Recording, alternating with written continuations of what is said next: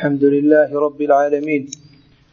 وصلى الله وسلم وبارك على نبينا محمد وعلى آله وأصحابه أجمعين.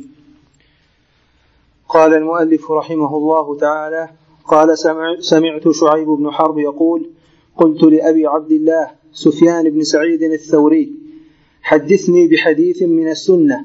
الحمد لله رب العالمين وصلى الله وسلم وبارك على نبينا محمد وعلى آله وأصحابه ومن تبعهم بإحسان إلى يوم الدين. أما بعد فنتكلم بإذن الله عز وجل في عدة مجالس على عقيدة سفيان بن سعيد بن مسروق الثوري وهو من أئمة السلف. وسفيان بن سعيد هو من أئمة الاعتقاد في الكوفة وهو إمام جليل القدر ومن أهل السنة والأثر يطبق العلماء على إمامته في السنة وإمامته في الفقه وإمامته كذلك في الرأي والاتباع والاهتداء وكذلك امامته في الزهد والورع فإنه كان إماما في ذلك كله وقد سماه غير واحد من العلماء بامير بأمير المؤمنين في الحديث. ومع كونه في الكوفة إلا أنه عليه رحمة الله كان من أنقى تلك الطبقة اعتقادا وأسلمهم جنانا وكذلك أبصرهم بسلامة العمل واتباع ما جاء عن رسول الله صلى الله عليه وسلم. ومعلوم أن أهل الكوفة فيهم شيء من مخالفة هدي رسول الله صلى الله عليه وسلم في بعض مسائل الاعتقاد مما مما يتعلق ببعض مسائل التشيع وكذلك في بعض مسائل العقائد مما يتعلق بالقرآن كقول طائفة منهم إن القرآن مخلوق. أو ما يتكلم به بعض المتأخرين من قولهم إن لفظي بالقرآن بالقرآن مخلوق. فكان سليما من ذلك كله عليه رحمة الله. وإنما كان الاختيار لعقيدة السفيان الثوري ذلك لأمور الأمر الأول لإمامة هذا الرجل وجلالة قدره. الأمر الثاني لكونه من الأئمة المتقدمين ومن طبقة متقدمة جدا وتقرير ذلك على ألسنتهم مما ينبغي لطالب العلم أن يعتني به عناية عناية بالغة. والعناية بذلك هي ما ينبغي لطالب العلم والمتعلم أن يسلكه بأن يرجع إلى المنبع الأصيل. وذلك على سبيل التدرج. ان يرجع إلى الأئمة الأربعة فأتباع التابعين فالتابعين فالصحابة فالكتاب والسنة والا يأخذ العقائد عن المتأخرين. وذلك للبول وكذلك المدد المتراميه بين المتقدمين والمتأخرين مما دخل في أبواب الاعتقاد وكذلك الفروع من التغيير وكذلك التدليس وربما أيضا التلبيس في بعض المواضع. وربما كان ذلك عند بعض أهل الأهواء من تحريف كلام الله جل وعلا عن غير ما أراده الله. فإذا كان هذا قد وجد في بعض القرون الأولى فإنه يوجد في العصور المتأخرة من باب من باب أولى. لهذا ينبغي للإنسان إذا أراد أن يرجع إلى عقيدة أحد بعينه فليرجع إلى قائلها فإنه لا أصح من منهج الإنسان من قوله بنفسه كذلك من قول أتباعه ومن كان قريبا منه كحال رسول الله صلى الله عليه وسلم مع أصحابه وكحال أيضا الصحابة مع التابعين عليهم عليهم رضوان الله تعالى. هذه الرسالة مع اختصارها فإنها جليلة القدر. وتوسم وتوصف بأنها عقيدة سفيان الثوري. وسفيان الثوري اعتقاده كغيره وإنما تسمى هذه العقائد وتنسب إلى أصحابها باعتبار أنها نقلت ونسبت اليهم باسمائهم وإلا لو نظرنا إلى طبقة سفيان الثوري من أئمة السنة وكذلك من سبقه لوجدنا أنهم على اعتقاد واحد في ذلك.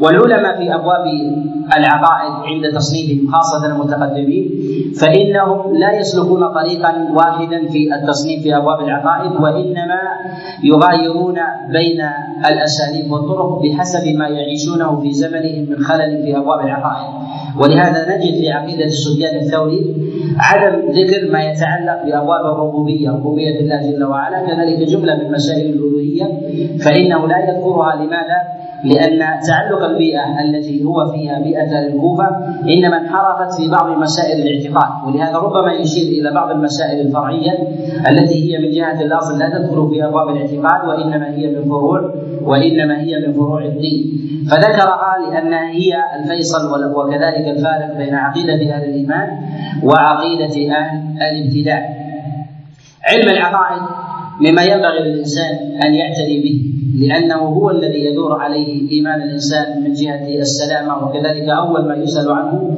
العبد. الله جل وعلا بعث الأنبياء بعث الأنبياء كلهم إلى دعوة التوحيد. ولهذا يقول النبي صلى الله عليه وسلم كما جاء كما جاء في الصحيح من حديث أبي هريرة قال عليه الصلاة والسلام نحن معاشر الأنبياء إخوة لعلات أمهاتنا شتى وديننا واحد. والمراد بذلك ان أنهم من جهة الأصل. أصل العقيدة واحدة ولكن الفروع وما يأتي مما يتعلق ببعض أجزائها فإنهم يتباينون يتباينون في ذلك. لهذا وجب أن يعتني الإنسان بمسائل العقيدة لأنه لا تصح أعمال الإنسان إلا بصحة عقيدته وهذا مما لا خلاف مما لا خلاف فيه. فالله جل وعلا لا يبقي للإنسان كفة ثانية إذا لم توجد لديه أو لم يوجد لديه الإيمان. لهذا قال الله جل وعلا ومن يكفر بالإيمان فقد حبط عمله. يعني أن ذلك العمل الذي يعمله الإنسان إنما هو تكلف ولا يغني لا يغني عنه من الحق من الحق شيئا. لهذا وجب تصحيح الاعتقاد لأنه بوابة الصراط المستقيم والمدخل إليه. ومن رام اتباع الفروع بعيدا عن الأصول فانه فإنه عكس التشريع وطلب شيئا متوهما لا يوصله إلى الغايه الغاية المنشودة. الله جل وعلا جعل الفطرة قابلة لعقيدة التوحيد وهذه الفطرة التي فطر الله جل وعلا الناس عليها. لهذا قال الله جل وعلا فأقم وجهك للدين حنيفا فطرة الله التي فطر الناس عليها. ويقول رسول الله صلى الله عليه وسلم كما في الصحيحين وغيرهما من حديث أبي هريرة قال ما من مولود إلا ويولد على الفطرة فأبواه يهودانه أو ينصرانه أو يمجسانه. هذه الفطرة أن الإنسان إذا لم يكن لديه شيء يغيره ويطرا عليه في هذا السبيل فإنه سيصل إلى الغاية التي أمر الله بها انبياءه لهذا أول ما خلق الله جل وعلا الخلق أخذ من ظهورهم أخذ من ظهور ذريتهم واشهدهم على أنفسهم ألست بربكم؟ قالوا بلى شهدنا. هذه الشهادة هي الإقرار بتوحيد الله سبحانه وتعالى وربوبيته وألوهيته وأنه جل وعلا هو المستحق المستحق لذلك. كانت الأمم على ملة واحدة وعلى دين وعلى دين واحد.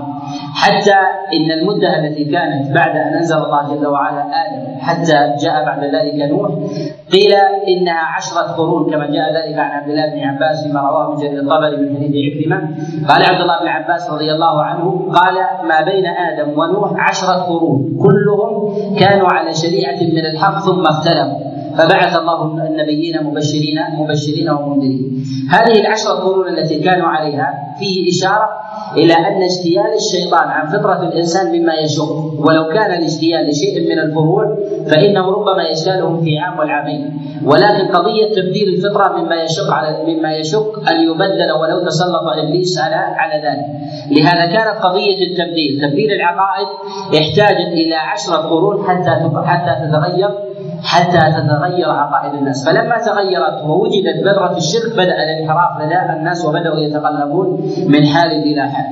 لهذا أرسل الله عز وجل رسله مبشرين ومنذرين وأرسلهم تباعا وأنزل عليهم الكتب يدعون أقوامهم يدعون أقوامهم إلى توحيد الله جل وعلا، لهذا يقول نوح لقوم اعبدوا الله ما لكم من إله غيره، ويقول شعيب أيضا اعبدوا الله ما لكم من إله غيره، ويقول أيضا اعبدوا شعيب اعبدوا الله ما لكم من إله غيره، اعبدوا الله واتقوه كما قال إبراهيم، فيه إشارة إلى أن هذه الدعوة التي أنزلها الله عز وجل على هذه الرسل كلها لتصحيح مسائل التوحيد، وقد جاء في الخبر القدسي في قول الله جل وعلا خلقت عبادي حنفاء فاجتالتهم الشياطين.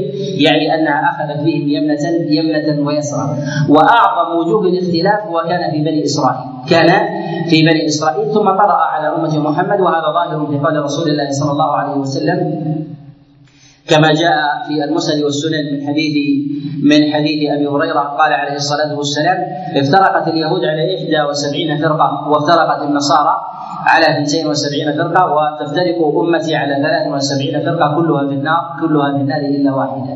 هذه الواحدة المستثناة هي ما كان عليه رسول الله صلى الله عليه وسلم وأصحابه كما جاء عند الترمذي في حديث عبد الله بن عمر. قالوا من هو؟ هم يا رسول الله. قال من هم على مثل ما أنا عليه وأصحابي إشارة إلى أنه ينبغي للإنسان أن يتبع ما كان عليه رسول الله صلى الله عليه وسلم. ما يتعلق بهذه المسائل التي نتكلم عليها وجاءت وردت في في كلام سفيان الثوري حينما سأله شعيب بن حرب هي في مجملها مسائل العقيدة. مسائل العقيدة. وكما ذكرنا فإن العلماء أو تقرر لديهم بالسبب والتقسيم أن التوحيد ينقسم إلى ثلاثة أقسام. ما يتعلق بمسائل الربوبية والنوع الأول توحيد الربوبية توحيد الألوهية والثاني توحيد الأسماء والصفات وهو الثالث.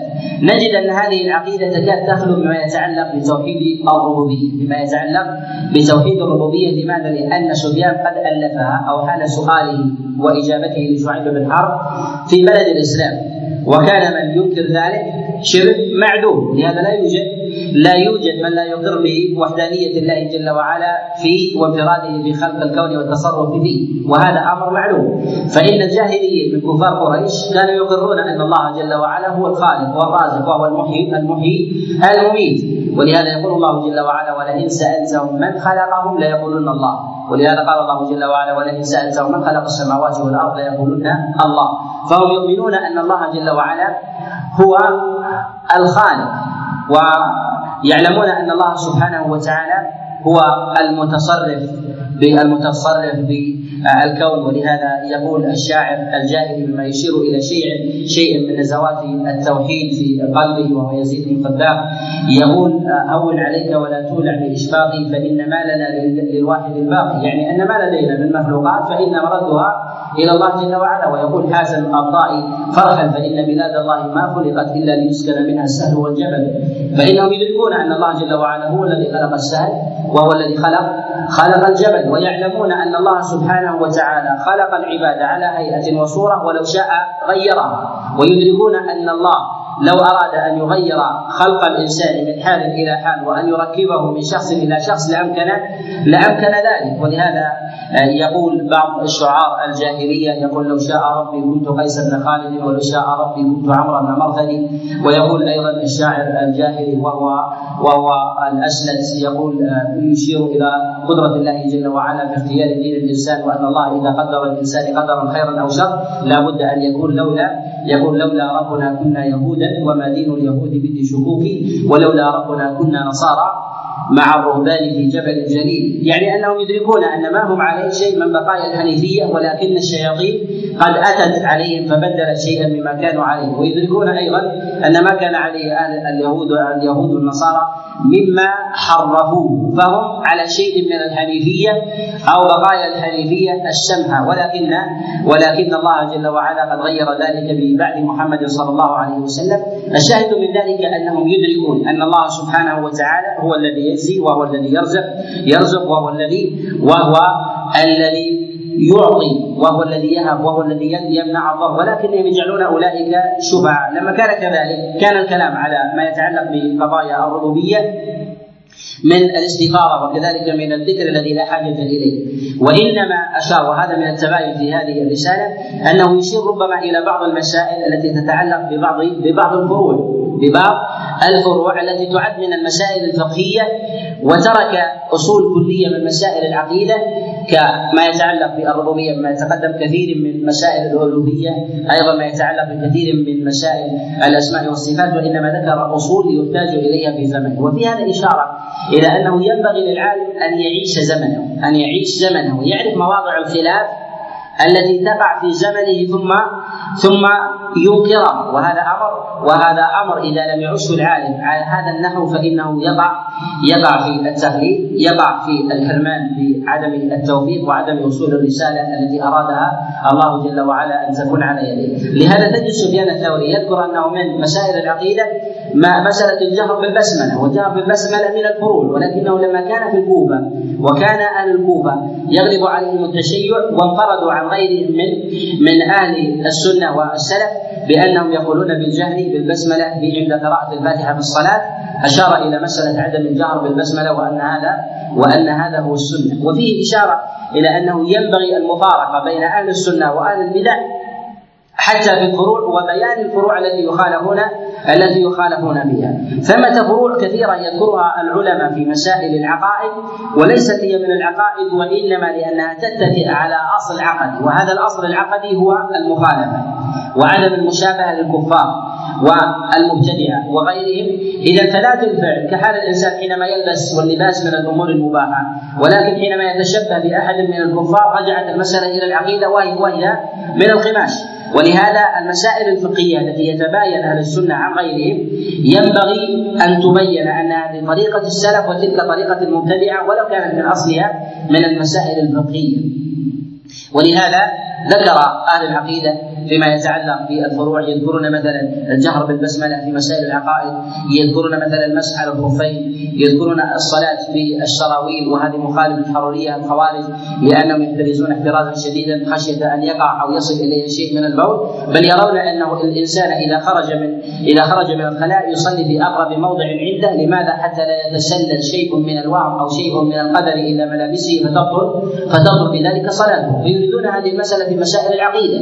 وكذلك أيضا ما يتعلق بمسألة البداءة باليمين في حال الوضوء فإن الرافضة يوجبون ذلك وأن الإنسان إذا بدأ بيده اليسرى في وضوئه قبل اليمنى بطل وضوءه فيريدون مسألة الوضوء باليسرى قبل اليمين أن ذلك جائز من عقيدة أهل السنة أهل السنة والجماعة في مسائل العقائد. ويريدون كذلك ما يتعلق ببعض المسائل من الصلاة خلف البر والفاجر وكذلك الصلاة في الجنازة خلف المؤمن الطائع وكذلك المؤمن الفاسق العاصي ويرون ذلك أن هذا من عقيدة أهل السنة والجماعة والدعاء لهم وكذلك الدعاء للأئمة الجواب بالصلاح والهداية ونحو ذلك. وهذه من المسائل التي لا تتعلق من جهة الأصل بالعقيدة وإنما يذكرونها لتعلقها لتعلقها بأهل البدع والمفارقة بين أهل السنة وبينهم. لهذا يدخلونها في هذا يدخلونها في هذا الباب. هذا العلم وهو يسمى بعلم العقائد ويسمى بعلم التوحيد يسمى بعلم أصول الدين أو السنة أو الشريعة. آه، أو الأصول الكلية من مسائل الدين. هذه أسماء كلها ترجع إلى أصل واحد وهو وهو توحيد الله جل وعلا. وهذه الاصطلاحات مردها ومآلها إلى معاني واحدة ويختلف في ذلك أهل السنة عن غيرهم في هذا الباب. وكثير من المتكلمين يستعمل بعض هذه الألفاظ وربما يخالف في جوهرها وحقيقتها. وبعضهم يستعمل ألفاظا أخرى كما يستعملون علم الكلام يستعمله الأشاعرة والمعتزلة ويريدون بذلك علم العقائد ويستعمل المتصوفه أيضا يقولون التصوف ويريدون بذلك علم العقائد الباطن الذي يصدر عنه شيء من الأفعال والسلوك ونحو ذلك.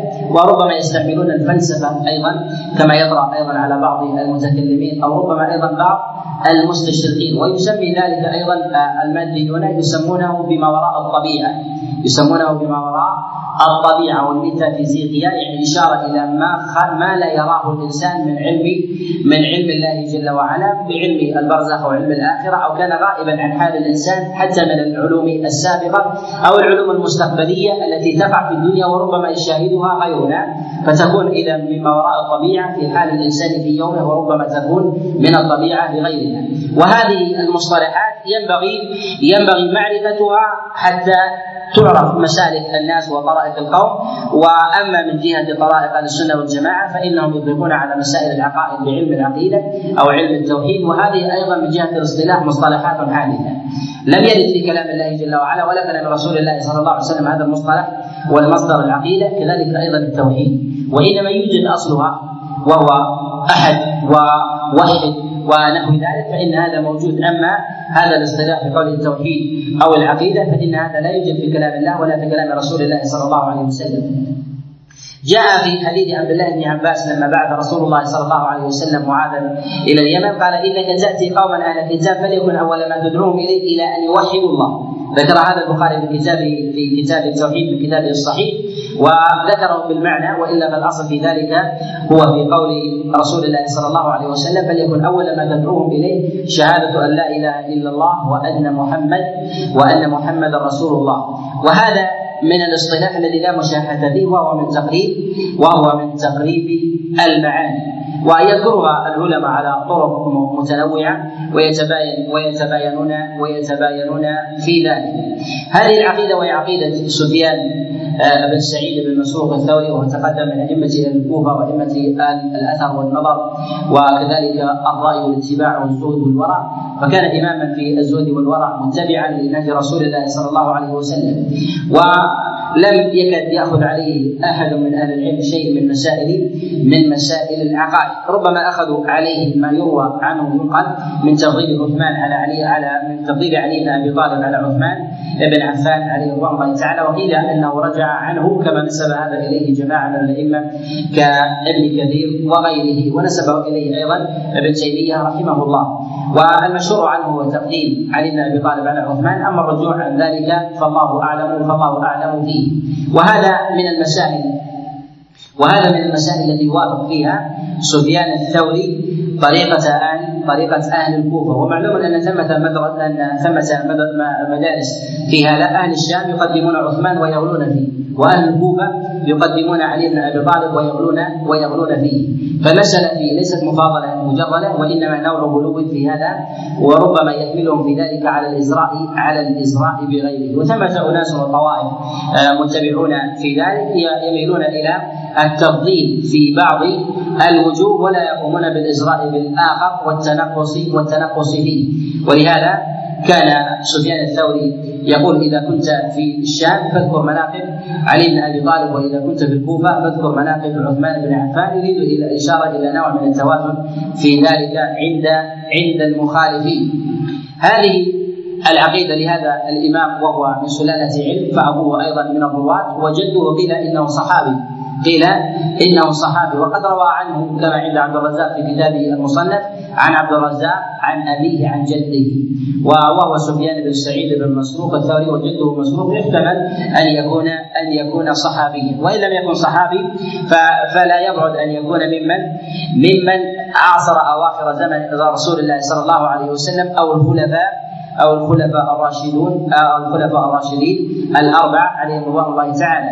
وسفيان بن سعيد أجاب في هذا السؤال لمن سأله وهو شعيب بن حرب وشعيب بن حرب هو أبو صالح المدائني وهو من أئمة الرواية وروى عن جماعة من الأئمة كسفيان الثوري وشعبة بن الحجاج وزهير بن معاوية وتتلمذ عليه جماعة وأخذ عنه منهم الإمام أحمد رحمه الله فإنه أخذ عن شعيب بن حرب جملة من مروياته وروى عنه شيئا في كتابه في كتاب في كتابه المسند وكذلك أيضا روى عنه ابنه عبد الله بواسطة أبيه عن شعيب بن حرب في كتابه السنة وكذلك أيضا في مواضع من كتابه من كتابه العلل وفي بعض وفي بعض مسائله.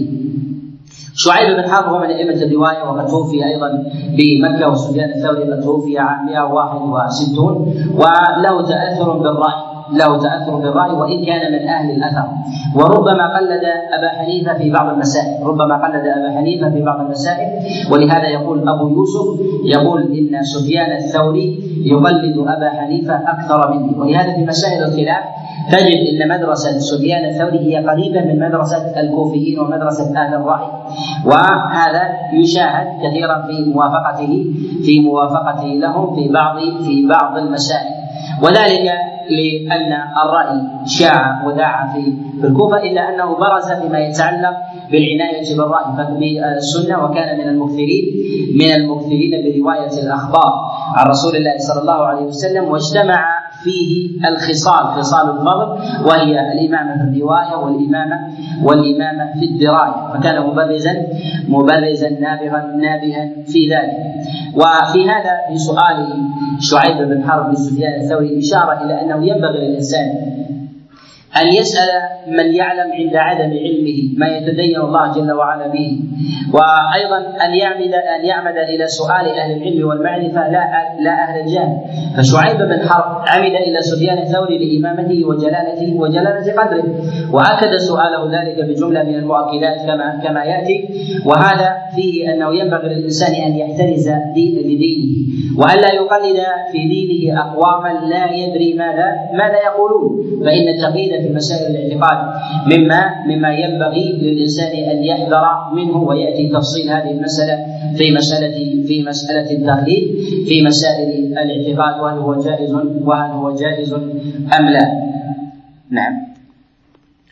أحسن الله إليك.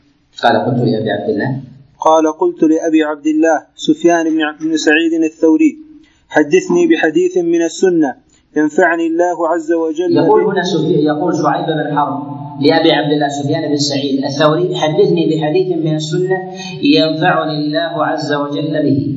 هنا سأل سفيان الثوري أن يحدثه بحديث من السنة وما سأله عن رأيه في مسألة من المسائل. إشارة إلى أنه ينبغي للإنسان أن يطلب الدليل حتى من الإمام القدوة.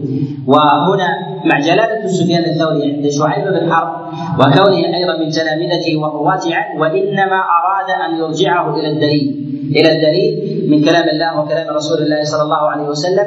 فالحجة في هذا الباب هو كلام الله وكلام رسول الله صلى الله عليه وسلم والطاعة لا تكون إلا لهما ولهذا قال الله جل وعلا أطيعوا الله وأطيعوا الرسول. فالخروج عن ذلك هو طاعة لغيرهما على سبيل اللزوم وهذا أمر معلوم. فمن لم يطع الله ورسوله فقد طاع غيرهما. ويذكر العلماء أصلا ثالثا في ذلك بعد الأصل الأول وهو كلام الله جل وعلا والأصل الثاني هو السنة. يذكرون أصلا ذلك ثالثا في ذلك وهو إجماع الصحابة. إجماع الصحابة عليهم رضوان الله تعالى فإن إجماعهم في ذلك هو الحجة. قالوا ولا يمكن أن يجمعوا على شيء إلا وقد استقر معناه في نفوسهم مستلم من الكتاب أو من السنة رسول الله صلى الله عليه وسلم. أخذوه عنه بالنص أو أو بالتقرير وما كل شيء ينقل عن رسول الله صلى الله عليه وسلم قولا.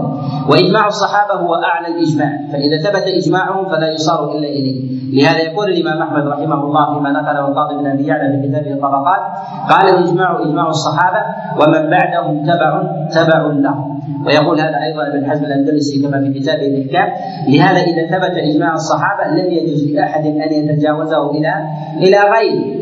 إلى غيره. ولهذا أوصى رسول الله صلى الله عليه وسلم بالتمسك بهدي أصحابه وأنهم هم الامنه للامه كما جاء عن رسول الله صلى الله عليه وسلم في الصحيح من حديث أبي موسى قال النبي عليه الصلاة والسلام النجوم أمنة للسماء فإذا ذهبت النجوم أمنة للسماء فإذا ذهبت النجوم أتى السماء متوعا وأنا أمنة لأصحابي فإذا ذهبت أتى أصحابي ما يوعدون وأصحابي أمنة لأمتي فإذا ذهبوا أتى أمتي متوعا إشارة إلى أن الصحابة أمنة للناس في عقائدهم ودينهم وذلك أن الله جل وعلا قد فضلهم على غيرهم لهذا يقول النبي عليه الصلاة والسلام كما في الصحيح من حديث عمران بن حصين قال خير الناس قرني ثم الذين يلونهم ثم الذين يلونهم. وثم وقع الخلاف. هل ما بعد القرن الثالث أو القرن الثالث فما بعد هل التفاضل في ذلك يكون على سبيل التدرج أم يستوي الناس ربما يأتي قرن بعد ذلك هو هو يفضل بما سبقه من قرون ويستثنى من ذلك القرون. الفضل هذا من مواضع الخلاف. والذي يظهر والله أعلم أن القرون ذلك من جهة مجموعها على سبيل التدرج في التغليب في التغليب وقد يأتي قرن متأخر أفضل مما مما سبقه. وهذا الدليل عليه ما جاء في البخاري من حديث أنس بن مالك. قال قال رسول الله صلى الله عليه وسلم لا يأتي عام إلا والذي بعده بعده شر منه. وكذلك جاء أيضا من حديث عبد الله بن مسعود قال لا يأتي عام إلا والذي بعده شر منه. لا أقول عام امطر من عام ولا عام اخصب من عام ولا أمير خير من أمير ولكن ذهابهم ذهاب ذهاب علمائهم إشارة إلى مسألة التغليب ولكن قد يصح في زمن ما هو أفضل من زمن آخر والدليل على ذلك أن النبي صلى الله عليه وسلم قد امتدح زمن زمن المهدي وذلك أنه ينشر العدل بعدما ملئت الأرض ظلما وجورا من قبل، ما يدل على أن هذا الأمر له استثناء بالنص الشرعي، فإذا استثني بالنص الشرعي فإنه لا حرج من استثنائه في أكثر من موضع، لأننا إذا منعنا الاضطراد في موضع فلا حرج من الزيادة في ذلك. شريطة أن لا يخرج هذا على عن التغليب للنص في كلام رسول الله صلى الله عليه وسلم. في قوله هنا حدثني بحديث من السنة. السنة المراد بذلك هي الكتاب والسنة. المراد بذلك هو الكتاب والسنة لأنه أراد بذلك الطريقة. وهذا من بعض الألفاظ التي يطلقها السلف في هذا. قال حدثني بحديث بحديث من السنة وهذا فيه جملة من المعاني. أولها أن يكون الحديث من السنة ليس منك. من السنة ليس منك. وفي هذا إشارة إلى أنه لا حرج على السائل أن يسأل الدليل من العالم. كذلك أيضا ينبغي للعالم أن يتواضع وأن لا يعنف على من طلب منه الدليل. فإن في ذلك فإن في ذلك إنصافا وعدلا وكذلك إقامة للحجة وكذلك فيه من التواضع ما فيه. لهذا ينبغي للإنسان إن سئل الدليل من الكتاب والسنة على قول يقول ينبغي أن يحيل إلى ذلك إلى ذلك الدليل. وربما هنا شعيب حينما قال حدثني بحديث من السنة ونعلم أنه في ذلك لم يذكر الأدلة وإنما ذكر المعاني. يعني طلب منه أن يكون ذلك مستند إلى دليل ولو كان من عنده من الفاظ فهو قد اتى بالمعاني ومن جهة الأصل هي هي من كلام الله جل وعلا وكلام رسول الله صلى الله عليه وسلم. وقوله هنا بحديث من السنة يدخل بذلك أصالة كلام الله جل وعلا ويليه بعد ذلك كلام رسول الله صلى الله عليه وسلم وهذا هو الوحي السنة وحي والقرآن وحي. أما وحي القرآن فهذا فهذا أمر لا يخفى على أدنى الناس معرفة. وأما كلام رسول الله صلى الله عليه وسلم فيظهر بقول الله جل وعلا وما ينطق عن الهوى إن هو إلا وحي يوحى واتفقت الأمة على أن كلام النبي عليه الصلاة والسلام وحي من ربه. كلام النبي عليه الصلاة والسلام وحي وحي من ربه. ما كان على سبيل على سبيل التبليغ وما كان على سبيل الأمر والنهي على سبيل التعبد. أما كلام النبي عليه الصلاة والسلام في غير ذلك فليس بوحي بالاجماع كالنبي عليه الصلاة والسلام حينما ينادي أحد أزواجه فيقول يا عائشة يا يا ميمونة وغير ذلك فإن هذا من ألفاظه عليه الصلاة والسلام. التي لا يقال إن ذلك من الوحي وإنما المراد بذلك هو ما كان على سبيل الأمر والنهي ومقتضاه مقتضاه التعبد.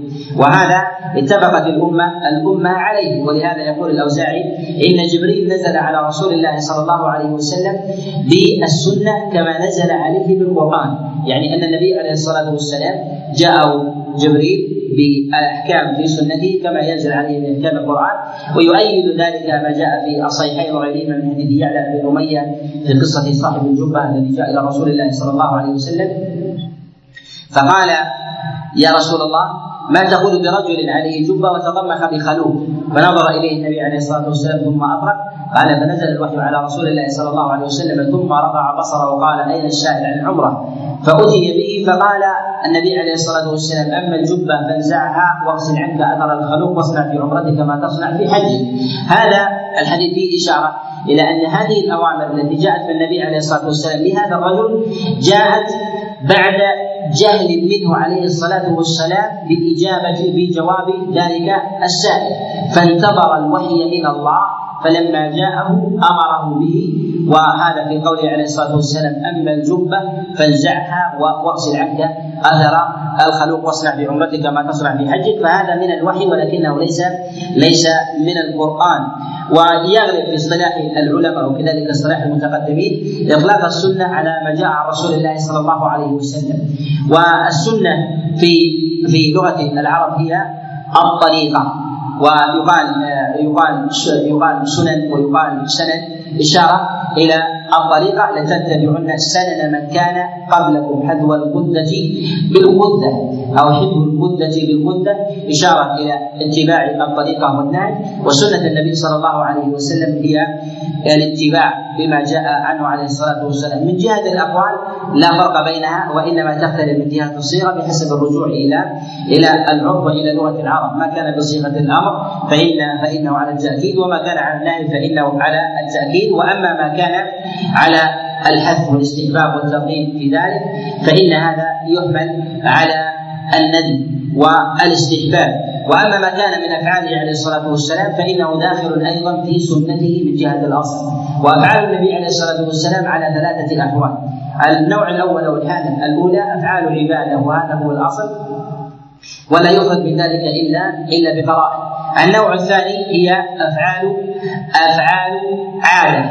يفعلها الإنسان عاده والقرينة في التمييز بين العادة والعبادة وما يفعله النبي عليه الصلاة والسلام من غير حث على ذلك الفعل ووجود قرينة تصرف ذلك الفعل اشتراك غيره من غير أهل ملته بذلك الفعل فيصرفه عن خصيصة أهل الإيمان. وذلك كلباس النبي عليه الصلاة والسلام العمامة والإزار والرداء فإن النبي عليه الصلاة والسلام يلبس هذه الملابس كما يلبس أبو جهل وأبو لهب. على حد سواء فجعلنا هذا عادة ولم نجعله عبادة. لماذا؟ للاشتراك مع غيره. ولم يدل دليل من جهة القول أن هذا نزع من هذه الخصيصة فجعل في دائرة في دائرة العبادة. كذلك أيضا النوع الثالث وهو فعل الجبلة يفعلها الإنسان جبلة. ومعنى الجبلة منزعه الفطرة. منزعه الفطرة لا يرجع الإنسان فيه إلى رغبة الناس وإنما يرجع إلى رغبته المغروسة في نفسه فيتباين الناس في البلد الواحد في هذا الأمر. وهذا كحال مشية الإنسان فإن النبي عليه الصلاة والسلام إذا مشى كأنما يمشي من صبب يعني كأنه منصب من, من رأس الجبل بسرعة مشيته. هذا يمشي الإنسان بفطرته.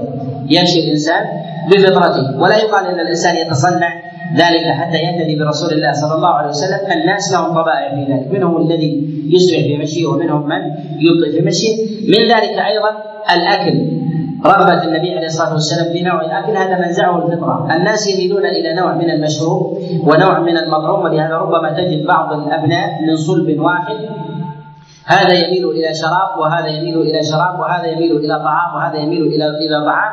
مع أن أباهم علمهم الشيء واحدا أو عرض عليهم الطعام واحدا فاختاروا شيئا دون شيء. لهذا أكل النبي عليه الصلاة والسلام للدبة تتبع عليه الصلاة والسلام له اكل النبي عليه الصلاة والسلام للكتف نقول هذا هل هذا سنة أم ليس بسنة؟ نقول هذا من الجبله مما يجبر عليه على الإنسان، هل يؤجر الإنسان عليه أم لا؟ نقول يؤجر على محبته الناشئة في قلبه لذلك، لهذا عبد الله بن عمر عليه رضوان الله تعالى أشد الناس اتباعا لرسول الله صلى الله عليه وسلم يقلده حتى في مواضع الخطى، حتى في مواضع الخلل، وهذا مما يلتمسه الإنسان وهو اسمح لخروجه. وهناك قرائن كثيرة تخرج الأفعال الأفعال الجبلية أو العادات إلى كونها عبادة وهي كثيرة جدا. كدخولها في في إطار عام في أبواب العبادة. من ذلك أن يفعل النبي عليه الصلاة والسلام أن يسلك طريقا وهذا المسلك داخل في دائرة عبادة. كما مر النبي عليه الصلاة والسلام مثلا بالأبطح. وهذا في لأنه داخل في دائرة الحج جعل ذلك من هدي رسول الله صلى الله عليه وسلم إشراع النبي عليه الصلاة والسلام في وادي محسن ونحو ذلك.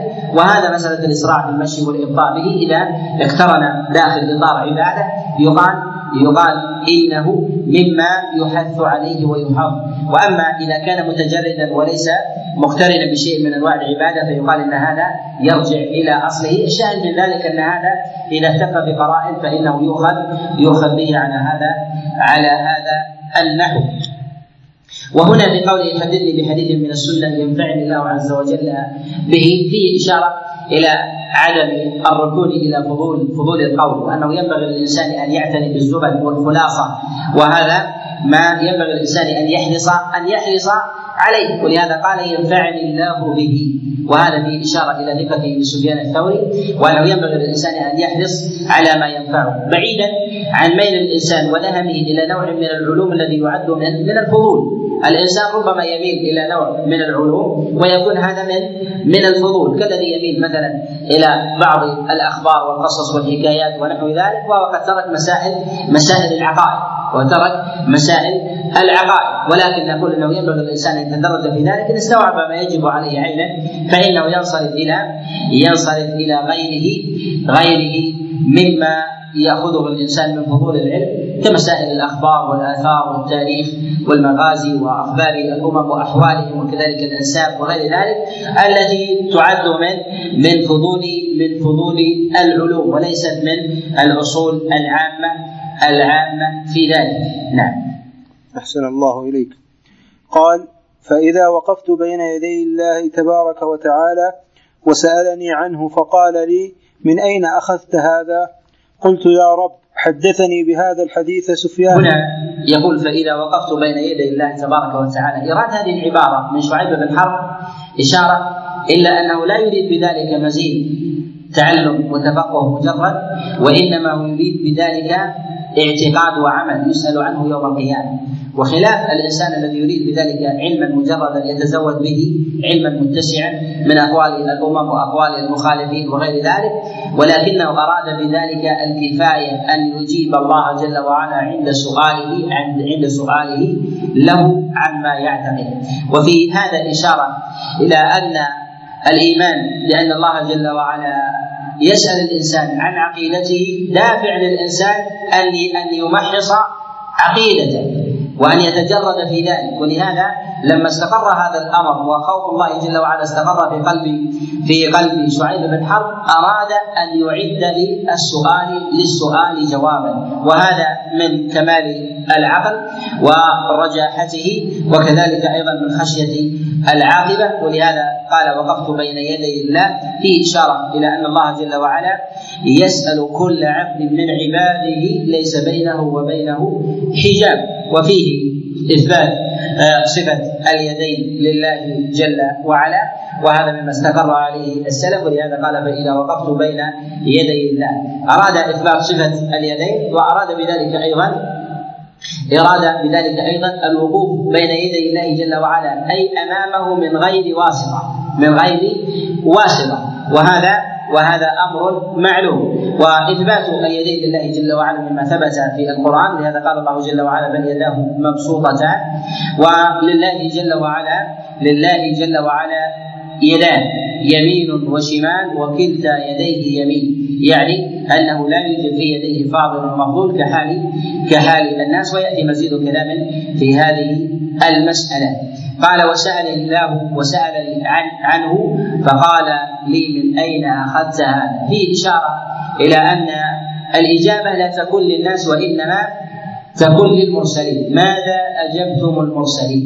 هذا الذي يسأل عنه الناس. لا يقال ماذا أجبت سفيان الثوري وماذا أجبت سفيان بن عيينة أو مالك بن أنس أو أحمد بن حنبل وإنما ماذا أجبتم المرسلين. وما عداهم من نقلة تلك النصوص إنما هم نقلت وحي. نقلت وحي ينقلون ويحملونها. ولهذا يقول الله جل وعلا في كتابه العظيم يا أيها الرسول بلغ ما أنزل إليك من ربك. فهذا البلاغ يعني أن النبي عليه الصلاة والسلام مع مزيته وفضله وجلالة قدره وان أمرنا باتباع قوله إنما هو حامل حامل علم وحامل وحي يوصله إلى غيره. ولهذا ماذا أجبتم المرسلين لكونهم آخر حامل من الله جل وعلا وما عدا ذلك فإنهم ليسوا من البشر. لهذا الشريعة جاءت جاءت في هذا عن رسول الله صلى الله عليه وسلم عن جبريل عن الله كما جاء عند الخطيب البغدادي من حديث أحمد بن زيد بن هارون قال إنما هي يعني الشريعة والوحي إنما هو صالح عن صالح وصالح عن عن تابع وتابع عن صاحب وصاحب عن رسول الله ورسول الله عن جبريل وجبريل عن الله. كل هذا هذا هذا اسناد الشريعة. كلها وسلم من ذلك مسألة الصلاة. كما هو كما لا يخفى فإن فإن الله جل وعلا أعطاها محمدا عليه الصلاة والسلام كفاحا.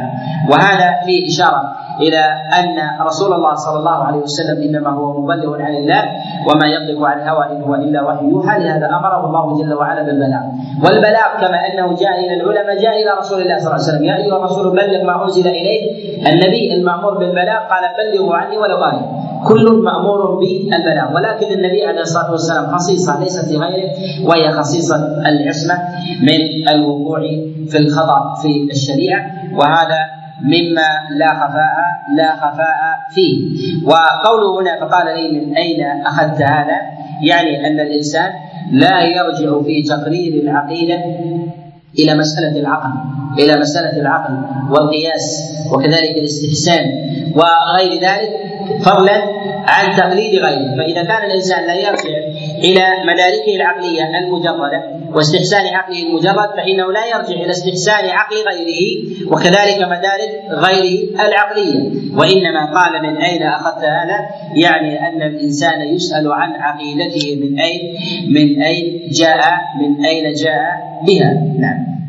قلت يا رب حدثني حدثني بهذا الحديث سفيان الثوري. في قوله هنا قلت يا رب حدثني بهذا الحديث سفيان سفيان الثوري.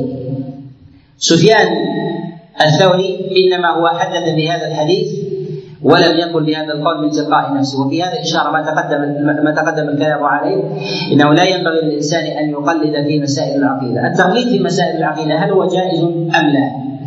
اولا مما ينبغي أن يعلم. أن التقليد في مسائل العقيدة ممنوع فيما لا يصح دين الإنسان إلا به فيما لا يصح دين الإنسان إلا إلا به. وهذا محل اتفاق عند عند السلف مما لا يوصف الإنسان بالإسلام إلا بهذا بهذا الشيء فإنه لا يجوز له أن يقلد غيره غيره به. أما ما عدا ذلك من فروع مسائل العقائد مما مما يأخذها الإنسان عن غيره ربما بغير التماس دليل ياخذها يأخذها بعيدا عن التماس الدليل أو الاستدلال فهل يسوق في ذلك التقليد أم لا؟ للعلماء في هذه المسألة ثلاثة أقوال. القول الأول يقولون بالمنع مطلقا من التقليد في سائر في سائر مسائل اصول أصول الدين وبعضهم وهم ندرة قالوا بمنع التقليد مطلقا وهذا قول لا يعول عليه حتى في مسائل الفروع فإن ذلك من تضييق الواسع فإن هذا من تضييق الواسع وهو قول قول مردود. والذين منعوا من التقليد في هذا يستدلون ببعض النصوص التي يخاطب فيها الإنسان لا تكلف إلا نفسك. كذلك في حال سؤال الإنسان في قبره عن ربه فإذا قيل قيل له عن عقيدته من أين أخذت هذا؟ فيقال آه لا أدري سمعت الناس يقولون هذا فقلت هذا نوع من التقليد. وهل عذر الإنسان به؟ لم يعذر. كذلك فإن الله عز وجل ذكر الكبراء وذكر الضعفاء. وذكر الذين اتبعوا والذين اتبعوا وأنهم كلهم في النار. إشارة إلى أن التقليد في هذا لا لا يجوز. واستدلوا بهذا واجروه على العموم وقالوا إن التقليد في مسائل العقائد ليس ليس بجائز وأن من قلد شيئا ولم يفهم الدليل ووجه الاستدلال ووقع في خطا فإنه آثم في ذلك. اثم آثم في ذلك. قالوا وأما من قلد غيره فصادف الحق قالوا فإنه يؤجر على ذلك. وذلك لتعلق ذلك بالتوفيق والتسديد كحال الإنسان الذي يوفق قدرا على الولادة من ظهراني أبوين مسلمين. وهذا قالوا من التوفيق الذي ربما لا يوفق له الإنسان إذا ولد من من أبوين غير مسلمين. فذاك يؤاخذ بالمخالفة وهذا يؤاخذ وهذا وهذا يؤاخذ بالموافقة لوالديه للحق فيؤجر على الموافقة وذاك وذلك وذاك يعاقب على على مخالفته لأمر الله جل وعلا بتقليده لوالديه إذا بلغه إذا بلغه الدين وذلك لعموم قول الله جل وعلا وما كنا معذبين حتى نبعث رسولا. في هذا جملة آه، في في هذا القول وهو ما يتعلق بمسألة منع التقليد في مسائل الاعتقاد عموما. هذا القول أرى أنه مرجوح والراجح هو القول الثاني الذين يقولون إن التقليد في مسائل العقائد جائز فيما زاد فيما زاد عما عما لا يصح دين الإنسان إلا به كجملة من المسائل ما يتعلق بمسائل آه، الصفات أو يتعلق ببعض جزئيات مسائل الإيمان ونحو ذلك فلا حرج على الإنسان أن يقلد. معنى التقليد هو أن يتبع الإنسان غيره من غير معرفة للدليل أو بمعرفة الدليل مع جهل الاستدلال. جهل الاستدلال فيكون إما أن يكون ليس لديه نص فضلا عن أن يكون لديه معرفة معنى الاستدلال أو يكون لديه دليل ولكنه لا يعرف وجه الاستدلال على تلك المسألة. فهذا فهذا مقلد في الحال وأما من عرف الدليل ووجه الاستدلال فإنه ليس ليس بمقلد. ليس بمقلد. وإنما قلنا بالأصل الأول أن الإنسان لا يقلد غيره أن رسول الله صلى الله عليه وسلم أمر ببلاغ الأدلة. للمشركين كفار قريش لهذا قال الله جل وعلا بلغ ما أنزل إليك من ربك وإن لم تفعل فما بلغت رسالته. يعني المبلغ الرسالة يجب أن تبلغ النصوص. وهذا ظاهر في قول الله جل وعلا وإن أحد من المشركين استجارك فأجره حتى يسمع كلام الله ثم أبلغه ما منع. أمره بإسماع كلام الله لا بإسماع كلامه هو أو شرح المعاني. مما يدل على أن الدليل ينبغي أن يصل. لا الدليل ينبغي أن يصل والأصل في بلوغ الدليل هو فهم فهم الحجة وإلا بلوغ الدليل مع عدم فهم الحجة هذا من الفضول ولا يأمر الله جل وعلا تعالى الله عز وجل عن ذلك علوا كبيرا بمثل هذا وما أمر الإنسان بإسماع الدليل له إلا وقد فهم ذلك. ولهذا العلماء يربطون قيام الحجة بسماع الدليل لا لا بفهمه. إذا كان ذلك على لغة يفهمها يفهمها لو أراد لو أراد أن يفهم. فإذا خاطبت رجلا بدليل وهو يفهم معنى هذا الدليل. لو أراد أن يفهم قامت عليه الحجة ولو قال إني لم أفهم ذلك. إني لم أفهم ذلك لأنه يحتمل أنه أراد بذلك المكابرة. لماذا؟ لأننا لو أحلنا الأمر إلى فهم الحجة لأحلناه إلى عدم وهو عمل القلب. وعمل القلب لا يعلمه إلا الله. ويلزم من ذلك أننا نعلق كثيرا من الأحكام الشرعية كالجهاد في سبيل الله حتى حتى يفهم وربما يفهم هذه السنة أو التي تليها أو التي تليها أو التي تليها أو أو يعلق الفهم ويقول لم أفهم. لهذا ينبغي ألا يلتفت إلى مسألة فهم الحجة إذا أقمنا الحجة على الوجه المشروع على الوجه المشروع. وبلوغ الحجة على الوجه المشروع أن يكون الإنسان واعيا منصتا لذلك القول الا يكون مثلا في وضع لا يدرك ذلك؟ كان يكون الإنسان مثلا في حالة نوم أو إغماء أو شغل أو نحو ذلك؟ ينبغي أن يكون واعيا مدركا لذلك كذلك أيضا أن يكون بلغته التي يفهمها. لو خطب بشيء من أمر الدنيا على ذات النسق والسياق فإن ذلك قامت عليه قامت عليه الحجة. ولهذا قال الله جل وعلا حتى يسمع كلام الله ويقول النبي عليه الصلاة والسلام كما في الصحيح قال والذي نفسي بيده لا يسمع بي أحد من هذه الأمة. قال يسمع بي. يعني مجرد السماع أن هذا النبي أرسله الله يجب أن تؤمن به فان هذا كافي بوجوب بوجوب الاتباع. وكذلك أيضا فإن العقاب يتحقق في عدم الاتباع بقوله لا يؤمن به إلا أدخله الله النار يعني كان يهوديا أو نصرانيا. والقول الثالث في هذا قالوا يجوز الاعتقاد يجوز التقليد في مسائل العقائد ومسائل الفروع مع فهم الدليل أو فهم الاستدلال أو عدمه. بفهم الدليل أو فهم الاستدلال أو عدمه. والتقليد في ذلك لا يقال بنفيه مطلقا ولا أيضا بجوازه مطلقا وإنما هو بحسب الأصول العامة. الأصول العامة. ولهذا قلد في اعظم من كفار قريش اسيادهم وبقوا على ما هم عليه وهذا ظاهر بقول الله جل وعلا انا وجدنا اباءنا على امه وأنا على اثارهم مقتدون وأنا على اثارهم مهتدون. هؤلاء يقلدون أقوامهم يقلدون أقوامهم اذا نصهم على التقليد. ومع ذلك الله عز وجل منعهم من هذا التقليد. ولو كان التقليد في ذلك صحيحا لصحت مخالفتهم للأنبياء. فدل ذلك على بطلان ذلك وأنهم في تقليدهم لهذا الأصل أصحاب أصحاب مخالفة وأصحاب شر وأنهم يجب عليهم أن يتبعوا الحق الذي لا يصح الإسلام لا يصح الإسلام إلا إلا به.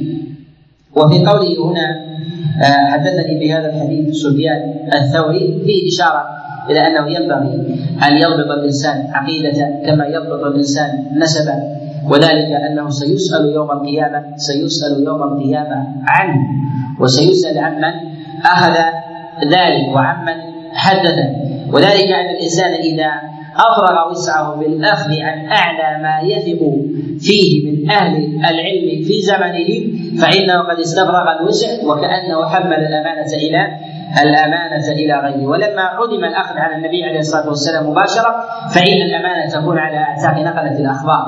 ولهذا نقلت الأخبار الذين ينقلون إلينا أخبار النبي عليه الصلاة والسلام هؤلاء مع فضلهم وجلالتهم والحسنات التي تلحقهم فإنه ربما يلحقهم أوزار لو وقع فيهم تفريط فأكتافهم مشهورة أيضا مشهورة بشيء من الأوزار إن خالفوا من خالف منهم في نقل الأخبار من غير تروي من غير تروي وتحري. ونحن نسلم في ذلك إذا استفرغنا الوسع بنسبة القول إلى أعلى ما وصل إلينا من أهل العلم والديانة والديانة والأمانة وهنا في قول سفيان آه الثوري آه، الثوري هو نسبة إلى ثور ابن ابن طابخة. قال وأخذته عنه فأنجو أنا وتؤخذ أنت. في قوله هنا فأنجو أنا وتؤخذ أنت إشارة إلى ما تقدم من الكلام عليه أن الإنسان إذا بلغه مخبر وكان ثقة وأخطأ فيه فإنه لا يتحمل الخطأ. إذا استفرغ وسعه في معرفه في في معرفة أمانته. فإذا استفرغ الوسع في ذلك ولم يأخذ الخبر عن كل أحد فانه فإنه يسلم والذي يهلك إن حدثه من حدثه بذلك على سبيل الخطأ والاستعجال من غير من غير تروي. وإنما غلب جانب المؤاخذة ولم يذكر جانب الأجر. وما قال؟ أنجو أنا وتؤجر أنت. ولكن ذكر المؤاخذة يعني أن الإنسان يؤاخذ على ذلك. إشارة إلى أنه ينبغي أن تحذر بما تحدثني به عن رسول الله صلى الله عليه وسلم. وهذا الأسلوب هو مما قبله النبي عليه الصلاة والسلام واحترز فيه الأعراب مع رسول الله صلى الله عليه وسلم. ولهذا جاء في الصحيحين في حديث طلحه لما جاء قال جاء اعرابي لرسول الله صلى الله عليه وسلم فقال يا رسول الله إني سائلك فمشدد عليك بالمسألة. فقال النبي عليه الصلاة والسلام سل ما بدا فقال إني سائلك بالذي رفع السماوات وبسط الأرض وخلق الجبال. الله أرسلك إلى الناس كلهم. فقال اللهم نعم. فسأله إلى آخر الخبر. فيه إشارة إلى أنه ينبغي للإنسان ينبغي للإنسان ما يتعلق بمسائل العقيدة وما يتعلق بمسائل الحساب والأمور العظام أنه لا حرج عليه أن يحترز شدة احتراز وأن يستحلف غيره مما وقع فيه الغيبة أو نحو ذلك من كلامه. وأنه أيضا فيه شهد لعقل الإنسان وقلبه أنه ينبغي أن يستيقظ في مثل هذا في مثل هذا أن يستحضر أن يستحضر خشية الله عز وجل وأن يتحرى في حديثه. وربما كان الإنسان ربما يحدث حديثا آه، مسترسلا فيه فوقع في شيء من الزيادة والنقصان فإذا جاء على سبيل التجديد والتخويف والترهيب فإنه يتوقف في ذلك ويدقق في العبارة. وهذا لا يكون إلا عند عند استشعار الامان نعم. أحسن الله إليك. قال رحمه الله فقال لي يا شعيب هذا توكيد وأي توكيد؟ اكتب. قوله هنا فقال لي يعني سفيان الثوري هذا توكيد وأي وأي توكيد؟ اكتب. فهم سفيان الثوري من هذا الكلام الذي قال أنه ينبغي الكلام أن يكون ليس منك وإنما تحدثني به عن السنة وأن هذا فيه إشارة إلى أن الأمر ينبغي أن يكون من فوق. لا لا منك. هذا نوع نوع تأكيد على الإنسان. كذلك الإشارة إلى أمر إلى أمر المؤاخذة وأمر النجاة. وهذا وهذا أيضا فيه تأكيد وفيه أيضا الإشارة التذكير بأمر الله جل وعلا أنه سيقف بين يديه وسيسأله ويسأله عنه. و أيضا في قول سفيان الثوري اكتب فيه إشارة إلى أهمية كتابة العلم. وقد حرص النبي عليه الصلاة والسلام على ذلك كما جاء في حديث أبي شان كما في الصحيح حينما اورده البخاري في كتاب العلم في كتابه العلم قال النبي عليه الصلاة والسلام اكتبوا لأبي شان أهمية الكتابة وأهمية حفظ العلم وضبطه. ولهذا يقول النبي صلى الله عليه وسلم كما في حديث عبد قيس قال عليه الصلاة والسلام قال نهى رسول الله صلى الله عليه وسلم نهى عن الحنتم والبنتم والمزفة والمزفة والنقيل وربما قال المخير قال احفظوهن وحدثوا بهن وأخبروا بهن من وراءهم. قال عليه الصلاة والسلام احفظوهن. يعني لم ينبغي للإنسان إذا بلغ شيئا أن يوصيه بالتوثيق وان يوصيه بالكتابة أو الحفظ والاستحضار ولهذا رسول الله صلى الله عليه وسلم لما انتهى من كلامه قال احفظوهن. وقال أيضا في المرة السابقة قال اكتبوا لأبي شاه يعني اكتبوا هذا الكلام الذي تحدثت به. وفيه أهمية الكتابة وأهمية الحفظ فإنه بالتقييد يحفظ يحفظ العلم. نعم. أحسن الله اليه قال رحمه الله اكتب بسم الله الرحمن الرحيم. قال بسم الله الرحمن الرحيم. البداء بسم الله. من الأمور المتأكدة والمستحبة ويتأكد ذلك في الأمور الفاضلة. ذات البال لهذا يروى عن رسول الله صلى الله عليه وسلم كما في حديث أبي هريرة الذي يروى موصولا ومرسلا والصواب فيه الإرسال. قال كل أمر ذي بال لا يبدأ فيه بسم الله فهو أجدل أو ابتر وجاء بالحمد لله وجاء بذكر الله واصحها الحمد لله. وأما بقوله بسم الله أو بذكر الله فإنه ضعيف جدا والحديث بمجموع بمجموع طرقه وألفاظه ضعيف. ولكن يكفي في ذلك ما جاء رسول الله صلى الله عليه وسلم من البداء بسم الله في الكتابة كما جاء في الصحيح من حديث عبد الله بن عباس أن رسول الله صلى الله عليه وسلم كتب بسم الله الرحمن الرحيم من محمد بن عبد الله إلى هرقل عظيم الروم فيه اشاره إلى انه ينبغي للانسان ان يكتب بسم الله الرحمن الرحيم عند الكتابات والكتابات على نوعين كتابات رسائل رسائل كما في هذا فيشرع فيها البسمله ولا يشرع فيها الحمدلله والصلاه على رسول الله صلى الله صلى الله عليه وسلم النوع الثاني كتابات على هيئه الخطب كتابات على هيئه الخطب وهي كالمصنفات الكتب الكبيرة ونحو ذلك التي تشابه خطب الإنسان فهل يستحب فيها الحمد لله والصلاة على رسول الله صلى الله عليه وسلم والتشهد وغير ذلك. ولهذا هنا اقتصر سفيان الثوري على بسم الله الرحمن الرحيم وهذا هو سنة رسول الله صلى الله عليه وسلم. ولهذا يظهر لي أن الزيادة على بسم الله الرحمن الرحيم بالحمد لله والصلاة على رسول الله صلى الله عليه وسلم في المقالات أو الكلام القصير أن هذا لم يكن عليه أمر رسول الله صلى الله عليه وسلم ولا أمر أيضا السلف الصالح وإنما كان على ما ظهر هنا في أنهم يقولون بسم الله الرحمن الرحيم. والبداءة بسم الله الرحمن الرحيم هي تيمنا بهذه الكلمة وأن الإنسان يستعين بذكر الله جل وعلا وإنما كان الاختيار لهذه اللفظة اقتداء بالكتاب العزيز وبسنة رسول الله صلى الله عليه وسلم. كذلك أيضا فإن البداءه بالبسملة للتيمم حتى لا يبتدئ الإنسان وينشئ كلاما مجردا من تلقاء نفسه يبتدئ بذكر الله عز وجل سواء كان ذلك من أمر الدين أو أمر الدنيا. واتفق العلماء على تأكيد ذلك البداء بسم الله الرحمن الرحيم. واختلفوا في البداء بالأشعار. هل تبدأ بسم الله الرحمن الرحيم والدواوين والمنظومات؟ هل تبدأ بسم الله الرحمن الرحيم للعلماء في ذلك في ذلك قولان. القول الأول قالوا بالمنع إن الأشعار لا يبتدأ فيه بسم الله الرحمن الرحيم. قالوا وذلك انها تخرج عن المنثور وإنما هي نوع من الشجر وفيه نوع من التضريب وانما تكون إنشاء لهذا القصد في الغالب فلا يناسب أن تبتدأ بسم الله. قال وربما يندرج فيها شيء من المعاني المخلة كبعض أشعار الغزل أو ربما المبالغة في المديح مما مما يتنزه يتنزه ذكر الله جل وعلا عن البداءة به. جاء هذا القول عن عامر بن شراحيل الشعبي وجاء هذا عن ابن شهاب الزهري. رواه الخطيب البغدادي في كتابه الجامع من حديث مجالد بن شراحيل الشعبي قال أجمعوا على أنه لا يكتب بسم الله الرحمن الرحيم في ابتداء الشعر.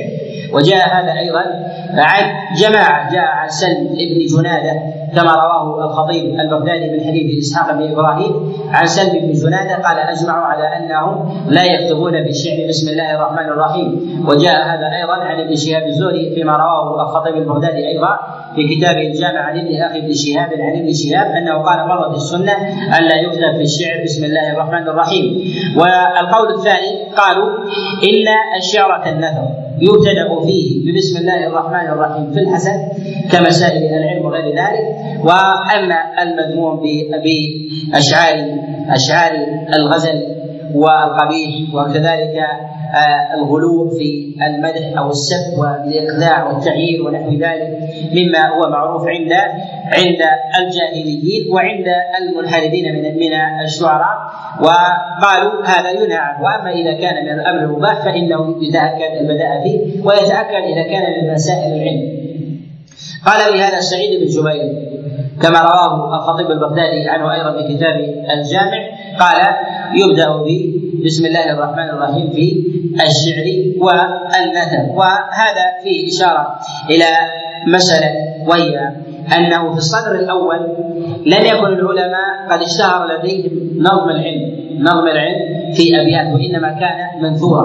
وهذا جاء متاخر ولهذا كانت المسألة كانت المسألة على هذا أن على هذا على هذه الحال. فوجد من ينهى عن ذلك لأن الشعر له منهى إما بالغلو في المديح أو الغلو في الذم أو أو الغزل القبيح ونحو ذلك. أما نظم العلم فلم يكن قد ظهر في ذلك الزمن في زمن التابعين. ولا ولما توسع الناس في الشعر وكذلك أيضا في المنظومات والكلام المسجون فنظروا العلم. فكان فكان البداء بسم الله الرحمن الرحيم. في منظومات العلم وأهميات المسائل من الأمور المستحبة كحال النثر. وقد جاء ويروى في ذلك خبر وهو منكر عند ابن علي وغيره من حديث هشام بن عروة عن أبيه آه، عن عن عائشة عليها رضوان الله تعالى. قال الشيء كالنثر حسن وحسن وقبيحه قبيح وهو منكر. وبسم الله الرحمن الرحيم. فيها مسائل كثيرة جدا وقد صنف فيها خلق من الأئمة مصنفات. صنف في ذلك صنف في ذلك الخطيب البغدادي وصنف ابن عساكر وصنف أيضا ابن الصبان له الرسالة الكبرى في أحكام البسملة وصنف ابن عبد البر وصنف ابن خزيمة وصنف ابن عبد الهادي في أحكام البسملة فيها أحكام كثيرة جدا تتعلق بها ما يتعلق بالبداءة وما يتعلق أيضا بمعانيها وما يتعلق أيضا بالبداءة فيها يبتدأ فيها بكاملة. بسم الله الرحمن الرحيم. ويقتصر على بسم الله وهل يضاف إليها شيء. غير بسم الله الرحمن الرحيم. وعلى كل فبسم الله من جهة البداءة فيها على ثلاثة أحوال. الحالة الأولى البداء بها تامة بسم الله الرحمن الرحيم وهذا يكون في في الصلاة وفي قراءة القرآن وكذلك أيضا عند آه عند عند المراسلات والمكاتبات ونحو ذلك. الحالة الثانية أن يبتدأ ببسم الله ويضاف إليها ويضاف إليها شيء آخر غير الرحمن الرحيم. كوضع الميت في القبر بسم الله وعلى ملة رسول الله أو مثلا عند الخروج من المنزل كما في حديث كعب بسم الله والحمد لله وغير وغير ذلك. والحالة الثالثة الاقتصار على بسم الله من غير زيادة. وهذا يكون عند الذبح و ويكون عند الأكل. وما جاء في هذا من قول الله أكبر عند الذبح. بعض العلماء استحب وبعض العلماء استحب الاقتصار على بسم الله. أما عند الطعام فالسنة أن يقول بسم الله. بسم الله ولا يقول الرحمن الرحيم. كذلك أيضا عند الذبح. عند الذبح يقول بسم الله ولا يقول الرحمن الرحيم لأن مقتضى الفعل هو الرحمة والشفقة. ولا يناسب إيراد هذا الاسم عند هذه الحال وإنما يقال بسم الله طلبا للعون كذلك الإهلال بسم الله سبحانه سبحانه وتعالى.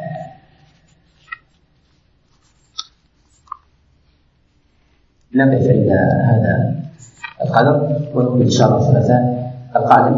ولعلنا بإذن الله عز وجل ننهي هذا هذه العقيدة في خمسة مجالس زدنا قليلا أو نقصنا قليلا. وربما لا نشرك فيما يأتي. ونسأل الله جل وعلا العون والسداد والتوفيق والهداية والرشاد إنه لذلك والقادر عليه. وصلى الله وسلم وبارك على نبينا محمد.